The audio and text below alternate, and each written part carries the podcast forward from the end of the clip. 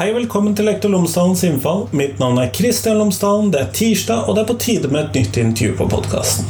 Man skulle nesten tro at dette hadde blitt en sånn norskfagspodkast, for også i dag så skal det handle om norskfaget. Jeg snakker med Liv Katrine Krogh om sensur og vurdering av norskfaget. Jeg snakker om eksamen, jeg snakker om vurderinger av eksamen, jeg snakker om underveisvurdering og sluttvurdering. Og gir egentlig skolen og faget og reformene som skjer nå, de mulighetene til læreren for å drive med god undervisning, god vurdering i norskfaget. Liv Katrine er nå blitt eh, førstelektor, heter det vel, på Universitetet i Sørøst-Norge, men har vært mangeårig norsklektor i videregående skole. Og har omtalt seg selv gjennom bloggen sin som en sur, gammel lektor. Men det får du høre om du er enig i. Det får være opp til deg. Men podkasten er sponset av Fagbokflagget, og Fagbokflagget utgir bøker og digitale læremidler for hele utdanningsløpet, fra barnehager til høyere utdanning og profesjonsstudier, og norsk for minoritetsspråklige. Og I det siste året har det kommet en rekke spennende titler til lærerutdanningen. To av disse er Lekende læring og lærende lek og Profesjonell muntlighet. I boken 'Lekende læring og lærende lek' utforsker forfatterne ulike tilnærminger til lekbasert undervisning i begynneropplæringen. Innenfor fag, på tvers av fag, i skoledagen og i skolemiljøet. Men i profesjonell muntlighet så handler det om stemmebruk, retorikk, diksjon, og er skrevet av alle som lever av å Skrevet for alle som lever av å snakke. Alle vi har ikke skrevet den. Noen har skrevet den, men den er skrevet for de av oss som lever av å snakke. Det kan vi jo si at vi lærere gjør. Fagbokforlaget kommer stadig ut med nye læremidler, så følg med på fagbokforlaget.no, så finner du noe som jeg tror interesserer deg.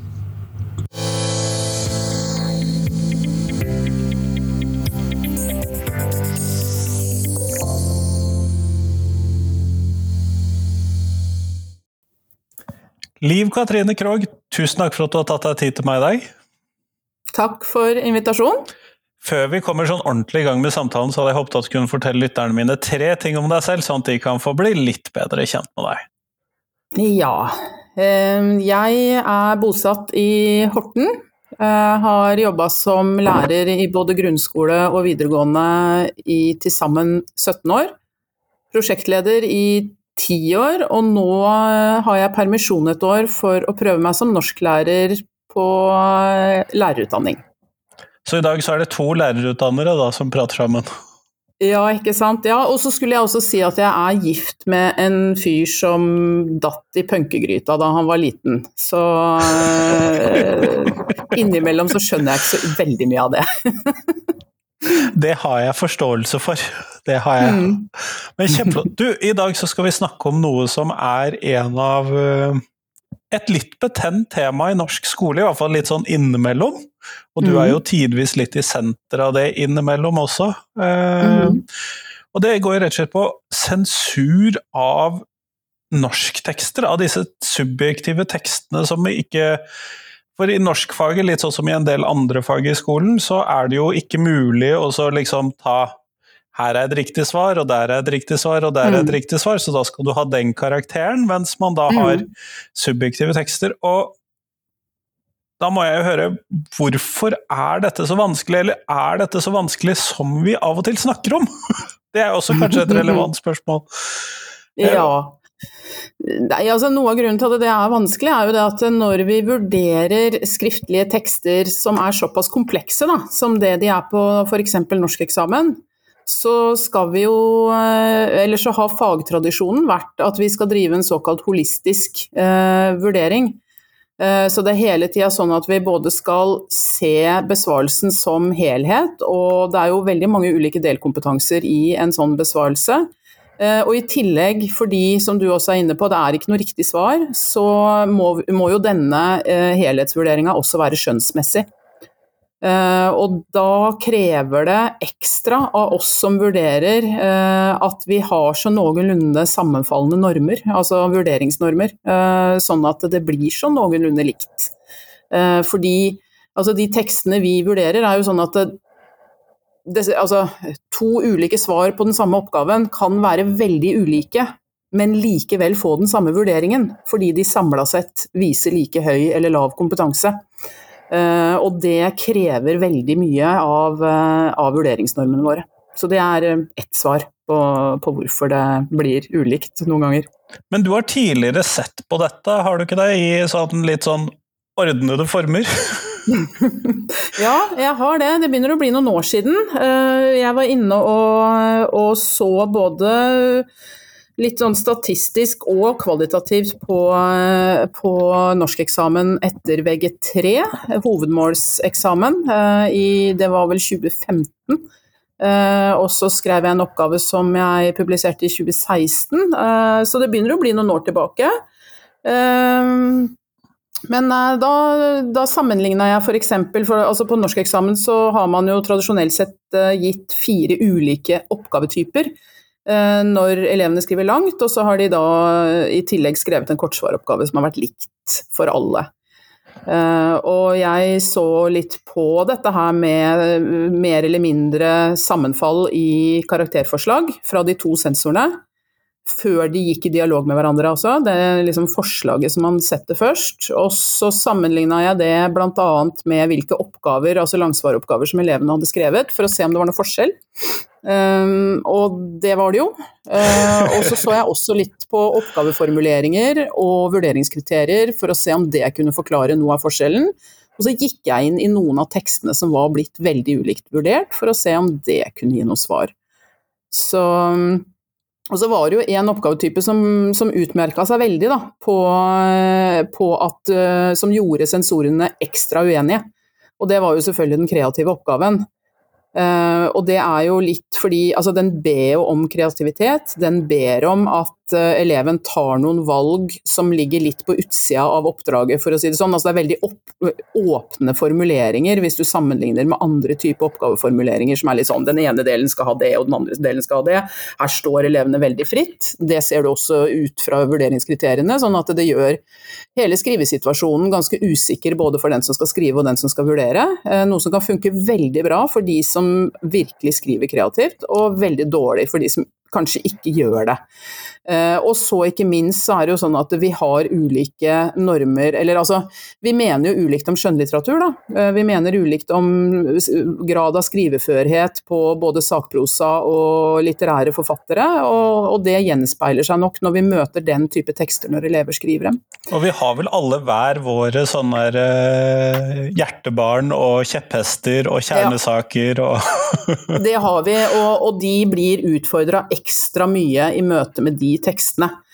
Eh, sånn at jeg så jo, ikke sant, altså fant jo veldig tidlig at eh, altså én av fem var det vel av de besvarelsene som var kreative oppgaver, hadde en såkalt sprikvurdering, altså at forslagene lå minst to karakterer fra hverandre. Eh, noen ganger også tre og fire, ikke sant, og da begynner det å bli ganske Da begynner vi å snakke bingo. Uh, og så kan man avdramatisere det litt, for disse sensorene skal jo sette seg sammen med disse forslagene og, og se på besvarelsen på nytt og, og bli enige om en karakter. Uh, og det som var litt positivt som jeg fant da, på alle de tekstene som var sprikvurdert, altså såkalt veldig ulikt vurdert, det var jo det at det var ingen av dem som var overrepresentert på klagesensur, f.eks. Så eh, jeg konkluderte vel med at sannsynligvis har det kommet kandidaten til gode at det har vært såpass stor usikkerhet, da. Men i og med at graden av usikkerhet er såpass stor, så er det grunn til å da lure litt på hva skjer når disse sensorene møter noen de er enig med. La oss si denne sensoren som er urimelig streng, da, eller urimelig eh, medhårs. Hva hvis to av samme kaliber treffes? Da kan nok en besvarelse få veldig mye høyere eller veldig mye lavere karakter enn det den egentlig skal ha. Det er det som på en måte den der graden av sprikvurderinger åpner opp en usikkerhet i forhold til. Eh, men samtidig så fant jeg jo en oppgave som, eh, som var såkalt Altså som Eh, hvor det var lite uenighet. Eh, og det var jo den Altså den heter jo noe annet, den heter jo noe ganske tungt på den gamle læreplanen i norsk, men nå ville vi jo kalt det fagartikkelen, da. Ja, det er standardartikkelen. Eh, altså ja, ikke sant. Altså den hvor elevene skulle skrive informativt og resonnerende og drøftende. Eh, den, eh, og det er også funnet i tidligere tilsvarende undersøkelser, at den er det ikke så stor uenighet om. For der er liksom kriteriene på mange måter satt som du skriver litt sånn eh, tullete ja. innenfor det, så er det fremdeles innenfor det. Ja, ikke sant. Og, og, oppgaveformuleringene er jo også såpass på en måte, og, og, går ofte veldig sånn rett opp mot et faglig emne som er ganske kjent, som er ganske sånn tradisjonelt. Enten skal man skrive om et litterært tema eller et språklig tema, f.eks. Man skal jo selvfølgelig lese noe tekst man skal ta stilling til, uh, men, og kanskje drøfte videre ut ifra og sånt men det er i hvert fall kjente størrelser som uh, Og ofte så er det også ganske sånne konkrete skriverammer i hvert fall for grovstrukturen da, i tekstene, sånn at elevene begynner ikke å, å, rote så fælt med strukturen heller. Eh, og da utfordrer de heller ikke sensorkorpset så fælt, og da er man i utgangspunktet mye eh, mer enig når man treffes eh, på fellessensur. En ting så, som jeg har lagt merke til i dette, Katrine, er jo det at når dette diskuteres, så mm. blir det veldig ofte litt sånn eh, temperatur knyttet Mer temperatur knyttet til norsk eksamen enn til mm. eh, eksamen i politikk og menneskerettigheter, bare sånn for mm. å ta et annet mm. litt tilfeldig. Ikke at mange diskuterer mm. det. Og så har jeg begynt å mistenke at dette kanskje kan henge noe sammen med at norsk hovedmålseksamen er eksamen med store bokstaver. Mm. Den derre mm. Dette har alle besteforeldre gjort. Ja, eller mange Alle av dem. har eierskap til eksamen i norsk hovedmål. Eh, det, det er, eh, og, det, og, det, er interessant det du sier, fordi at eh, jeg tror ikke f.eks. politikk og menneskerettigheter eller historie og filosofi skriftlig eksamen har noe spesielt bedre vurderingsansvar enn det de er på norsk. Men det er klart at i norsk så er 40 000-50 000 ungdommer er oppe hvert eneste år. hvis vi tar med privatistene, så er det bortimot 50 000 som har hovedmålseksamen. Sånn at uh, det er fryktelig mange mennesker, det er fryktelig mange kjøkkenbord som dette blir diskutert på både før og etter eksamen, ikke sant? hvert eneste år. Og, og av 40 000-50 000 hvert eneste år, så blir det fryktelig mange historier av disse litt avvikende sakene. Um, og da, ikke sant, om så uh, brorparten får en uh, vurdering de opplever som rettferdig, så vil du ha tilstrekkelig mange litt hårreisende eksempler. Eh, I hvert fall, og mer eller mindre holdt jeg på å si, opplevd riktig hårreisende eller ikke. Da. Sånn at eh, jeg tror nok det er noe av grunnen uh, til det. Pluss at det, det, har jo vært litt rare varianter av hva man har blitt bedt om å ha av eksamensoppgaver på, på norsk hovedmål også. Opp igjennom. Altså hvis man trekker inn foreldregenerasjon og litt sånn forskjellig, og i min tid var det sånn og, og sånn og sånn og sånn, så uh, alle mener noe om det. Helt klart. Uh, og så har vi hatt noen uh, har vi jo hatt noen historier som har gitt litt dårlig PR òg, det, det, må vi jo innrømme. Mm. det har man vel antagelig. Og, og som du sier, historie og filosofi da, med 200 eksaminander i løpet av året. Jeg mm. mener å huske at det er tallet, for det har jeg hatt noen elever oppi en gang i tiden. Mm det er noe annet når fem av de får en sprikvurdering, enn når tilsvarende antall av disse 50 mm. 000 du nevner, mm. får sprikvurdering. Det er jo noe med det. Det er nettopp noe med det. Uh, ja. Så, så, så, jeg tror det er noe For at dette er jo Altså, når man problematiserer uh, ulike vurderingsnormer hos sensorer, eller altså vurderinger som vi gjør som lærere uansett, da, så, så, er det jo de som er inne og skal gjøre disse skjønnsmessige vurderingene eh, til oppgaver som er relativt åpent formulert. Det blir et, et problem uansett. Eller altså, det blir et problem på den måten at man må jobbe veldig systematisk med vurderingsnormer. Man må eh, samarbeide rett og slett veldig mye som faglærer eh, i den type fag. Da, for å gå inn og gjøre et vurderingsarbeid. Ikke, ikke bare på eksamen, men når man skal sette standpunkt også. Standpunktkarakterer er jo 85% av vitnemålet, så det eh, og selv om vi da kjenner eleven i større grad og har et bredere vurderingsgrunnlag, så må vi ikke tro at det fritar oss for de fallgruvene da, som, som, kan ligge i vurderingsfeltet. Og, og det der med eh, og som, som, du også var inne på, dette her med kjepphester. ikke sant? Altså Er det noe man lærer når man samarbeider mye om vurdering, er at man blir litt sånn fort kjent med kjepphestene sine. Uh, og det er en veldig nyttig greie. og det tenker Jeg jeg har også mine kjepphester, og, men etter at jeg har jobba mye med å, å, samarbeide om vurdering, så er jeg veldig klar over det. Og jeg er også veldig klar over det når jeg sitter og vurderer, at nå Oi, der kom det en sånn en, ja, som jeg ikke liker. Uh, og, og, da veit jeg også med meg sjøl at ja, men det, dette er en kjepphest. Nå må jeg passe på at jeg ikke tillegger den for mye vekt. Verken opp eller ned, da. ikke sant? For det er noen ting vi blir veldig henført av. Uh, og så er det noen ting vi, vi, kanskje reagerer litt ekstra på som andre mennesker ikke syns er så ille. Så, så, så, det å være seg selv bevisst er veldig viktig i, i våre type fag, da. Så er det jo litt spennende, for jeg har jo sittet på eh, lærerværelset etter, eller i forbindelse med vurderinger som er gjort, og så forteller man da historien om denne håpløse et eller annet-feilen inni teksten, og så sitter alle rundt mm. og er litt sånn ja da. Ja, ja hva var dette? Betyr ja, det virkelig noe? ja, ja det, liksom for eksempel som vi har i norskfaget, eh, det er jo når elever tiltaler eh, Ibsen på fornavn. Det er det jo fryktelig mange av oss som syns er veldig unødvendig. Han Henrik? Eh, ja, ikke sant. At han Henrik han, han skriver dette og dette. Eh, og så er det jo noe med å huske på at dette her er også litt generasjonsspesifikt, og ikke helt få med seg at man er på fornavn med avdøde forfattere og sånn. Det, det, det, det, er greit å få med seg at man kan være på etternavn, men det er ikke en sånn kjempegreie. Det står ikke om karakterer. Eh, det gjør det ikke. Du skal ikke ned en karakter fordi du er på fornavn med Ibsen. Jeg kjenner jeg hadde fått litt vondt hvis jeg leste om eh, en som skrev om Henrik og Knut og sånn. Mm. Mm, mm. Man, man, får litt vondt, eh, og så må man likevel eh, se at eleven viser kompetanse på en god del områder, da, selv om man får vondt. Men det som jeg da lurer på, du har jo da brukt en del tid på dette, og du har jo skrevet om dette i flere sammenhenger, og da er det jo selvfølgelig mm. det Er det noen måte å fikse fikse dette på, å gjøre dette systemet mer rettferdig? Har du gjort deg noen tanker som løser hva skal vi kalle subjektivitetsproblemet i dette? Mm. Eh, altså det, det, enkle Eller det er jo ikke et enkelt svar, for det koster penger. Eh, det, er jo skolering. Eh, mer skolering fordi mer skolering også fører til mer samarbeid. Eh, for det er nettopp det der å, å gå inn i dialog. Eh, og, ja, og, og, og, selvfølgelig få opp eh, kunnskapen sin om det, da.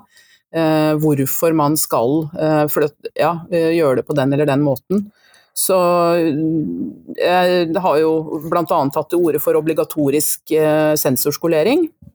Um, obligatorisk vurderingsskolering hadde jo egentlig også vært en fordel, fordi at uh, veldig mange Altså, jeg har ingen uh, utdanning som har gjort meg kvalifisert til å vurdere i seg selv. Uh, jeg har ikke praktisert vurdering før jeg var ute i felt, og det, det kjennetegner fryktelig mange av kollegene mine også.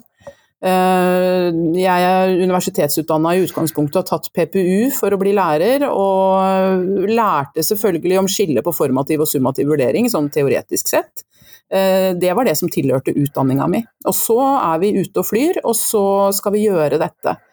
Uh, og det er klart at Nå vil jeg tro at i noen lærerutdanninger så har, man kanskje sørga for litt mer praksis før lærerne skal ut i felt, men men ikke overalt. Og, og, og, det er klart at det, når man går ut og skal gjøre, gjøre ting i, i, yrket sitt som man er litt usikker på, så er det litt ulike tilnærminger til det. Noen vil jo automatisk oppsøke kolleger og be om hjelp. Andre vil bli veldig private, eh, fordi man syns det er ubehagelig å ikke mestre. Eh, jeg var nok i den siste kategorien i starten av min lærergjerning, ikke sant. Eh, og, og, og prøvde etter beste evne og håpa jeg gjorde det bra, og var nok, ikke sant. Og, så, og, det kan være et sånt Og da er det vanskelig å gå inn i samarbeidssituasjoner også. For at man skal oute altså det, det, det, krever trening, det, det, det, har det i hvert fall gjort for min del. Og, på en måte gå ut i åpent lende og si at dette mener jeg er en besvarelse som, som er fire, fordi, fordi, fordi, fordi. Uh, fordi at da, La oss si noen er fryktelig uenige, og det er noen som kanskje jeg opplever er faglig dyktigere enn meg, eller et eller annet sånt noe, så, så har jeg på en måte avdekka at jeg ikke er så faglig dyktig, da. Ikke sant? Altså jeg tror, Det kan godt hende at jeg generaliserer en hel masse mennesker eh, som ikke har det sånn på bakgrunn av hvordan jeg har tenkt, men jeg tenker at det er helt sikkert noen andre som er litt i den kategorien. Og jo mer familiær man blir med det, jo mer udramatisk blir det. Nå tenker jeg at det er helt uproblematisk for meg å, å, å møte en medsensor f.eks., eller en kollega som ser noe annet i en besvarelse enn det jeg gjør. Eh, da tenker jeg at oi, der, der lærte jeg noe. Eh, så nå er tilnærming, tilnærminga mi helt annerledes. Eh, men, men, men, altså, det var et veldig langt svar. Men altså obligatorisk skolering tenker jeg er, er viktig, og mer skolering enn det vi har i dag. Ja, i norskfaget så jeg måtte gjøre litt sånn kjapp matte her ved siden av. fordi at det, Så vidt jeg husker, så er sånn skriftlig sensur Er det 200 oppgaver man får mm. utdelt? Ja, ja i verste fall. Mm. Så er jo mm. det 250 stykker som da skal ha den skoleringa, da. Så du har jo rett, det koster en del penger? Eh, ja, av sensorer, ja. ja. ja det er det. Eh, og eh, i dag så er jo det én dag, altså ett dagsverk. Eh, det er det man har. Uh, og um, jeg tenker at uh, la oss si man kunne Man burde kanskje ha utvida til to. Eh, man kanskje, burde kanskje hatt en økt på høsten også, hvor man faktisk var inne og uten at det gjaldt om livet, holdt jeg på å si, men at man var inne og ble litt skolert da òg, eller at man hadde på en måte et sånt ja, at man skulle inn og skoleres hver gang man sensurerte, og kanskje eh, en gang annethvert år i tillegg. For, å på en måte for, for, for, det vi gjør når vi blir skolert, er jo i tillegg til at vi drilles på regelverk og UDIRs på en måte føringer osv., osv., er jo at vi går inn og vurderer sammen ulike tekster som er relevante for eksamen. Ulike svar. Eh, så, eh, så det er rett og slett eh, Det er det vi driver med, og så diskuterer vi. Og det vil jo nødvendigvis ta tid og koste dermed penger. Mm. Det vil jo det, det vil jo det, men, men, i og med at man har bestemt at elever skal ha karakterer, både til standpunkt og på eksamen, så tenker jeg at det er vel anvendte kroner, det der, altså. Eh, fordi vi som eh, sensurerer eksamen, vi gir også standpunktkarakterer. Og, og, det er nok av på en måte påstander og mer eller mindre begrunna om standpunktkarakterene. ikke sant? Mer eller mindre trynefaktor, og han fikk sånn, og han gir liksom de pene jentene bedre karakterer enn guttene. Ikke sant? Altså det er liksom sånne ting. Eh, og, og, hvis man på en måte har en kultur på skoler hvor man helt systematisk kryssretter en god del litt sånn avgjørende vurderingssituasjoner, så vil man kanskje i større grad også fri seg fra det, da, og bli mer profesjonelle. Og jeg sier ikke at, altså, for jeg tenker at det, det, det finnes fryktelig mange dyktige faglærere rundt forbi som, som, setter eh, de karakterene de skal, men når vi også veit at en del av de lærerne som jobber, ikke er utdanna, Uh, og i tillegg at kanskje samarbeidsmiljøet er litt variabelt fra skole til skole, og det er nok av forskning som avdekker at i særlig videregående skole så er det veldig mye ulik vurderingspraksis, både internt på ulike skoler og mellom skoler. Sånn at, eh, og, og da snakker vi standpunkt, eh, standpunktkarakterer. Så jeg tenker at det å styrke eh, vurderingskompetansen hos lærerkorpset, det er ikke Altså ja, og så, og så, blir det jo ofte litt sånn betent, for da er det mange som liksom føler at ja, ja man, man, er liksom ikke bra nok.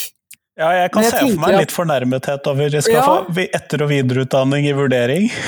ja, ikke sant. Og så, så tenker jeg det at uh, Nei, altså jeg har stort sett sånn relativt god selvtillit som lærer, men jeg har alltid liksom tenkt at jeg kan bli bedre, da.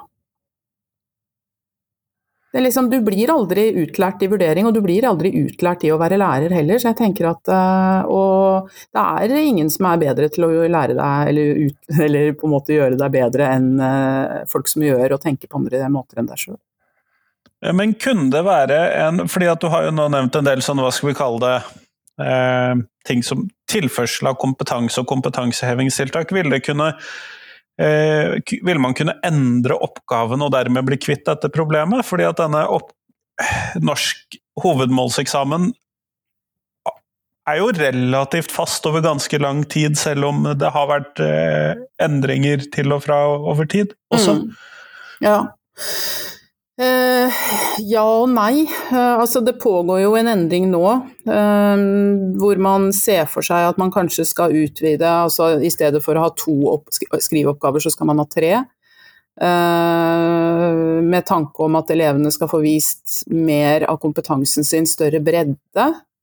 Jeg opplever nok at det Ja, kanskje vil det gi en mulighet for å vise mer bredde, men jeg tror ikke det vil jeg tror det vil øke kompleksiteten i vurderingen også, og kanskje ser vel for meg at eh, det vil trekke kanskje flere av helhetsvurderingene litt mot midten. Det er, det, det er noe jeg frykter, jeg trenger ikke ha rett i det. Um, men uh, Og så er det jo noe med det at hva er det norskeksamen er? Uh, jo, det er jo den eneste eksamen man har som er obligatorisk uh, etter studieforberedende.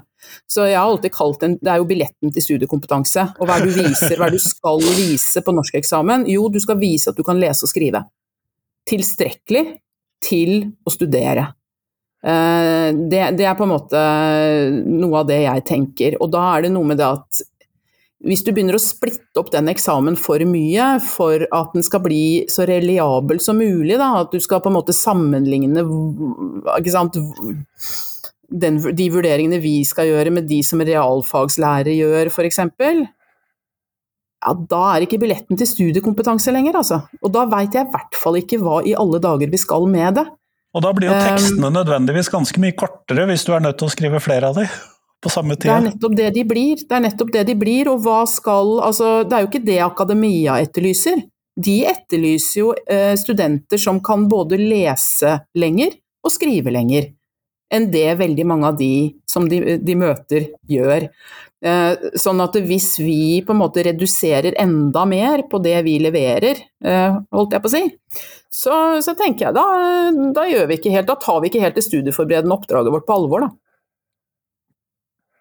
Nei, og du sier noe der vi, Når de da skal opp til oss nå da på universitetet, siden mm -hmm. vi to mhm. begge to har klart å lirke oss enda et lite hakk høyere opp i denne næringskjeden, så er det jo nettopp det hvis vi får da disse veldig korte tekstene som vi av og mhm. til får på videregående, så vil jo ikke det være i nærheten av å oppnå de målene som er satt, Nei.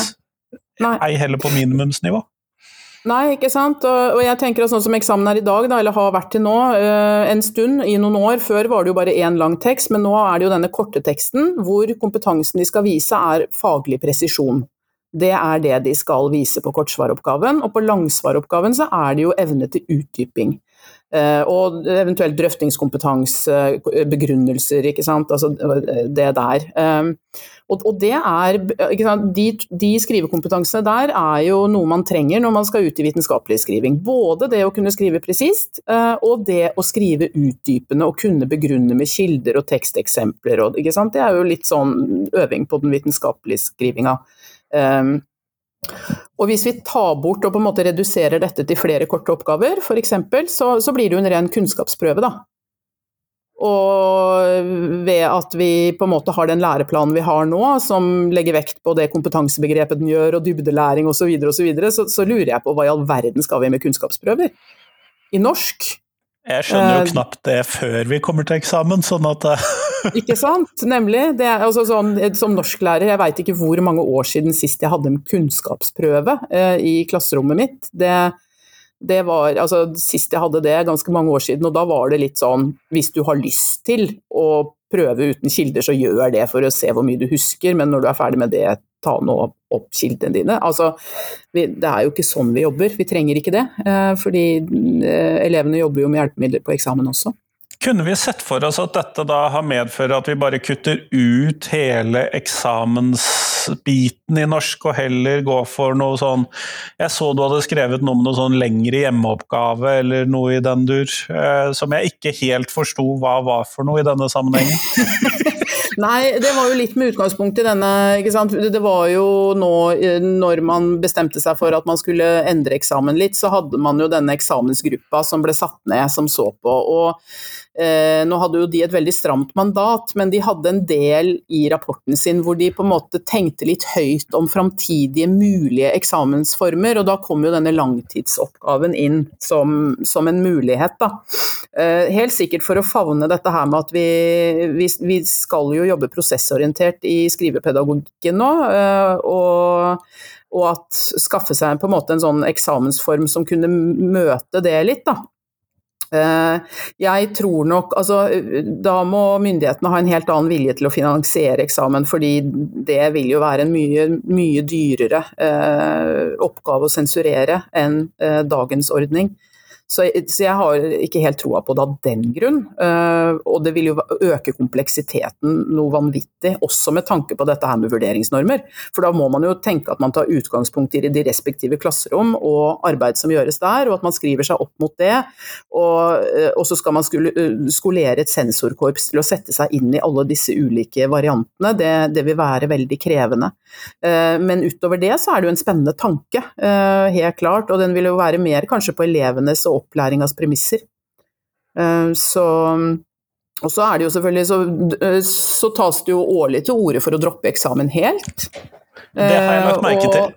Eh, ja, og, og, jeg tenker at den dagen vi dropper standpunktkarakterer helt, så kan vi jo droppe eksamen helt. Eller vi kan droppe stam, alle standpunktkarakterene og bare ta eksamen. Så slipper vi å drive med all den, alle, alle de vurderingssituasjonene, spesielt i norskfaget, da, som har tre karakterer. Men det var et sidespor. Men jeg tror altså så lenge skolen er såpass underfinansiert som den er, med, altså det, er det, det, er tall som lærerorganisasjonene holder seg med, er vel at 20% av lærerne i videregående opplæring har ikke uh, den fagutdanninga de skal ha. Eh, da tenker jeg òg eh, noen fylker har såpass dårlig råd at de sultefòrer på timer og læringsmateriell osv. Så, videre, så, så tenker jeg at vi kan ikke droppe eksamen, for da blir det vill vest. Eh, rett og slett, altså Da vil skoleeierne ta, ta, seg for store friheter. Det er, det er liksom den fremste begrunnelsen jeg har for eksamen, egentlig. altså Dette her med opprettholdelse av fellesskolen. At, at man på en måte kan sikre et minimum av det samme tilbudet landet over. Eh, et minimum. Nå er jo eksamen blitt avlyst flere år på rad nettopp fordi man har ment at ulike elever har fått ulik opplæring gjennom pandemien. Eh, jeg tenker at ja, det har de, men det er jaggu ikke første gang, altså. Elever får ulik opplæring i Norge hele tida. Eh, noen har fryktelig dyktige lærere, veldig mange har det. Noen har ikke lærerutdanna lærere i det hele tatt. Noen har sjukmeldte lærere som det ikke blir satt inn vikarer for, osv. osv. Hvis man ikke på en måte har et sånt lite ris bak speilet til skoleeier, så jeg har ikke tillit til at eh, det vil bli forvalta tilstrekkelig, altså. Nei, og det, det, har jo vært det som har vært min største begrunnelse for eksamen. er jo ikke både muntlig og skriftlig. Det er jo ikke kontroll av elevenes kunnskaper, Nei. det er jo kontroll av lærerne og arbeidsgiverne. Ja, det er nettopp det. Fordi eh, elevenes kunnskaper klarer jo eh, de, de, de, blir jo gjennomvurdert gjennom hele skolegangen sin. Sånn at det, det trenger man ikke bekymre seg for sånn sett. Så mm. Jeg vet jo ikke Katrine, om vi har kommet fram til noe svar på hvordan løse dette sensurspriket, dette her vurderingsspriket her, da, i løpet av denne samtalen. Jeg tror jo ikke det.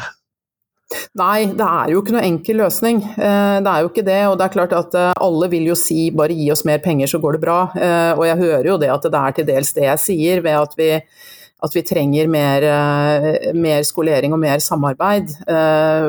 Så men, det må inneholde en plan nå, da, hører jeg. Du kan ikke mm. bare gi mer penger, det må jo også inneholde en plan. Ja, ja, selvfølgelig. Hva skal de brukes til? Eh, så, men, men, jeg tror nok sant, videregående opplæring har jo en vei å gå eh, når det gjelder dette med samarbeid. Altså, det er jo stadfesta gang på gang at det er det skoleslaget som samarbeider minst. altså Hvor lærerne samarbeider minst, og hvor det er mest privatpraksis. Selv om jeg vet at det finnes fryktelig mange videregående skoler selvfølgelig som, hvor, med sterke samarbeidskulturer.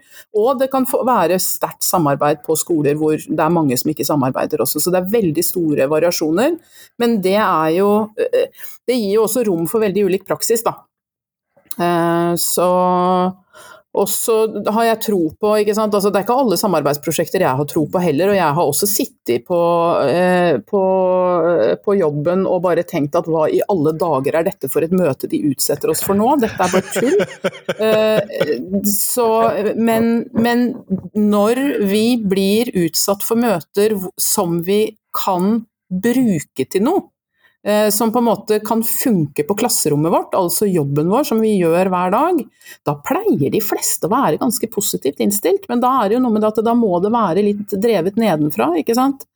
Eh, fordi det er ofte vi på gulvet som veit hvor skoen trykker, og hvis vi får lov til å sette oss ned sammen og diskutere det som foregår i klasserommene våre, eventuelt produsere noe som skal inn i klasserommene våre, så pleier de fleste å være ganske medgjørlige, altså.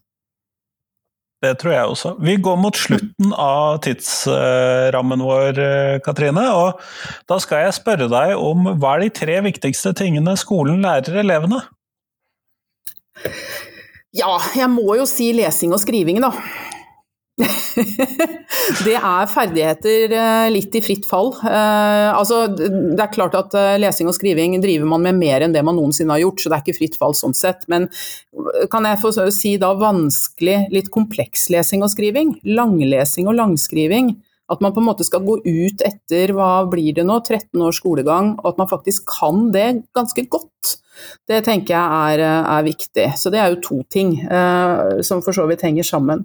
Og så tenker jeg at det skolen kan lære elevene også er å være Altså finne ut av det og utstå andre folk.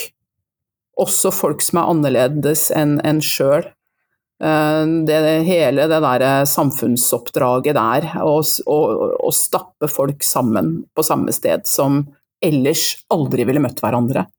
Eh, i et samfunn hvor vi går mer og mer fra hverandre, og på en måte noen bor der og noen bor der, og noen lever det livet og det livet, så tenker jeg at det kan skolen fortsatt lære. Og, trenger, og det trenger vi å lære, alle sammen. Kjempeflott. Også foreldrene. Tusen takk for at du tok deg tid til meg i dag. Tusen takk for meg. Godt arbeidsår.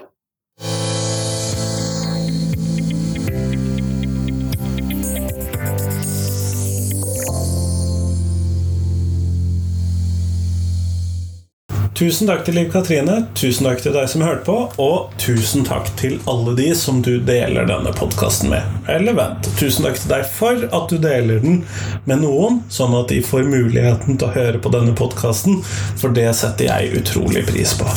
Jeg prøver å ta opp veldig mange forskjellige sider ved norsk skole, og podkasten har jo som undertittel 'Norsk skole i et bredt format'. Sånn at jeg prøver å treffe ulike sider ved skolehverdagen for å gjøre det mest mulig interessant for dere som hører på. Og vi lærere er jo like forskjellige som elevene våre. Det er kanskje noen flere av de, men vi er ganske mange, vi også. Og det betyr at det er mange ulike problemstillinger som er interessant for oss. Så da trenger jeg litt tips for å høre hva du vil synes at er interessant. Send meg også gjerne tips til hvordan jeg kan forbedre podkasten, sånn at det blir mer attraktivt for deg å høre på den. Men nå, nå får du ha en fin uke. Hei, hei.